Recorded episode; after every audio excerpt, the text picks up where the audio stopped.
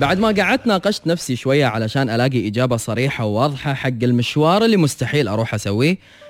اكتشفت أني من الشخصيات اللي ما أحب نهائيا وبأي شكل من الأشكال أني أتعنى حق بني آدم كسر فيني كذب علي غدر فيني أو طلع مو كفو بمعنى أصح. لأن بالنسبة لي مبدأ العنوة دائما وأبدا يكون حق الناس اللي يسوون. ودائما أروح وأتعنى حق بني آدم يتعنى عشاني.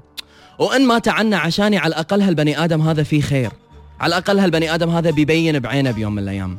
لكن الأوادم الانتهازيين الاستغلاليين السخيفين اللي ما لهم دنيا واضحة ولا لهم أي نوع من أنواع آه، الطموحات ولا لهم أي نوع من أنواع الأهداف. يعني يعني آدمي عبارة عن فراغ بالدنيا.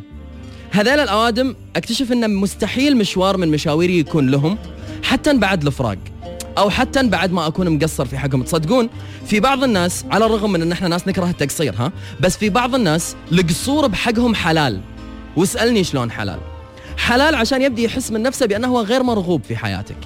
حرف واحد يفرق بين كلمتين. نقطة فارقة في حياتي ونقطة فارغة في حياتي. النقطة الفارقة وبالقاف هو البني آدم اللي بوجوده حياتي تفرق معاي 180 درجة. أحس أن الوضع اختلف.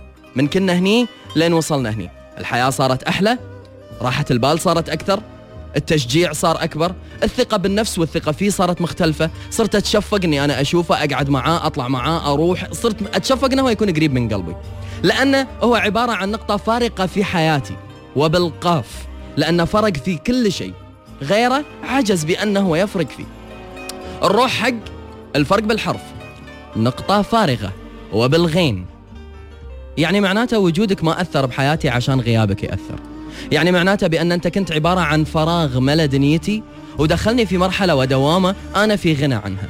لذلك يتعنى البني آدم حق اللي فرق بحياته. مو حق الفارغ. مو حق الفارغ عاطفيا ومضمونا ومن ناحية الشخصية ومن ناحية الفكر. خداع المظاهر. أقسم بالله العظيم يا جماعة خداع المظاهر. ولا تبني على الانطباع الأول أي نوع من أنواع الأحاسيس. لأن في بني آدم ممكن يلك في أول انطباع حقه بأنه هو سيد زمانه. ومع الوقت تكتشف بأن أي سيد زمانه أي بطيخ يا عمي. يا ريت بس لو إن إحنا ما انتعنا حق أي بني آدم غدر فينا بيوم من الأيام. لذلك أحب أن الرسالة توصل مو عن طريقي. أحب أن الرسالة توصل بطريقة تعلمه قدره وين. إي إي. أعز نفسي وايد والله العظيم وما هو غرور ولكن هو قدر ومكانه أحطها حق نفسي. مو كل من هب ودب اتعنى وأروح له. حتى لو كان بيني وبينه نوع من أنواع تصفية الحسابات حتى الرسالة. إذا طلعت من رقم موبايلي لموبايله فاسمي خسارة عليه يشوفه في دفتر الأسماء عنده. أو في الرسائل الواردة. إي لهالدرجة. اللي يجفاني أجفاه. لهالدرجة. اللي يصغر من قيمتي أذكره لأي درجة هو صغير أصلا في عالم ولا عمره تعود يعيش فيه. أرد أذكره لأي درجة مقامي مهم ولأي درجة مقامي عالي. عندي اللي بعيونهم أنا إنسان جدا غالي. وإذا أنت ما قدرت تشوف هالشيء هذا غمض عيونك أو طالع مستواك. أنا آسف لوقاحة التعبير ولكني مو آسف لوضوحه ولا آسف لأنه هو قاعد يوصل لك بهذه الصراحة. وإن كان وقح ولكن في بعض الأحيان النقاط الفارغة في حياتنا تحتاج بأن نكلمهم على نفس العقلية. لذلك مشوار مستحيل أروح أسويه بأني أتعنى لي عندك. فراح أدز لك مرسال راح أدز لك مع الناس. هم يفهمونك اللي أنا أبيه يوصل لك. هم يفهمونك بأني أنا ما أقدر أحبك بأني أنا ما أقدر أكون يمك بأني أنا ما أبي قربك بأن القلب هذا أساسا حق إنسان ثاني تماما. ضروري تفهم عزيزي. وإن كنت أنت من الشخصيات اللي تحتاج وقت طويل عشان تفهم نقطة إيجابية فما بالك بالنقاط السلبية. أنا آسف إذا الموضوع راح ياخذ معاك وقت وايد طويل. ولكني غير آسف على فراقك وغير آسف على بعدك وغير آسف على إني ما راح أتعنى عشانك. مشوار مستحيل أسويه إني أقدر وأعز وأتعنى لبني آدم ما تعنى عشاني بنقطة ولا بإحساس ولا كان نقطة فارقة في حياتي. لذلك أرجوك اسحب نفسك بأدب وخلي الرسالة توصل لك بأقرب الطرق. أنا واضح في كلامي ولا أحب أزيد ولا أعيد ولا أشفر ولا تكون نغزة تكون واضحة. اللي ما حمد ربه علي عليه بألف عافية في أي شيء ثاني بالدنيا. أنا بني آدم أحب نفسي وايد.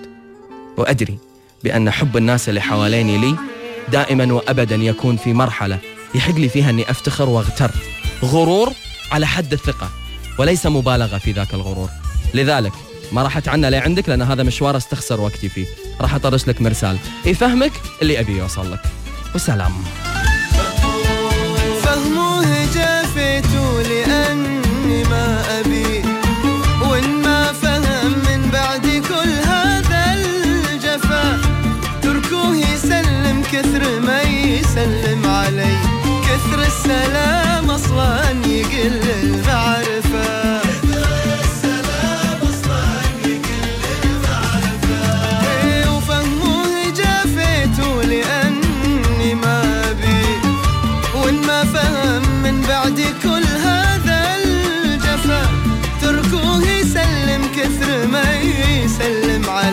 كثر السلام أصلا يقل المعرفة.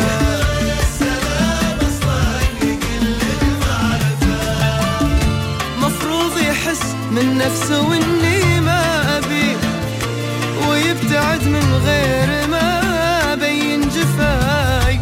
لكنه مو راضي يحس الله يهديه. أجبرني إني أحرجه والله معاي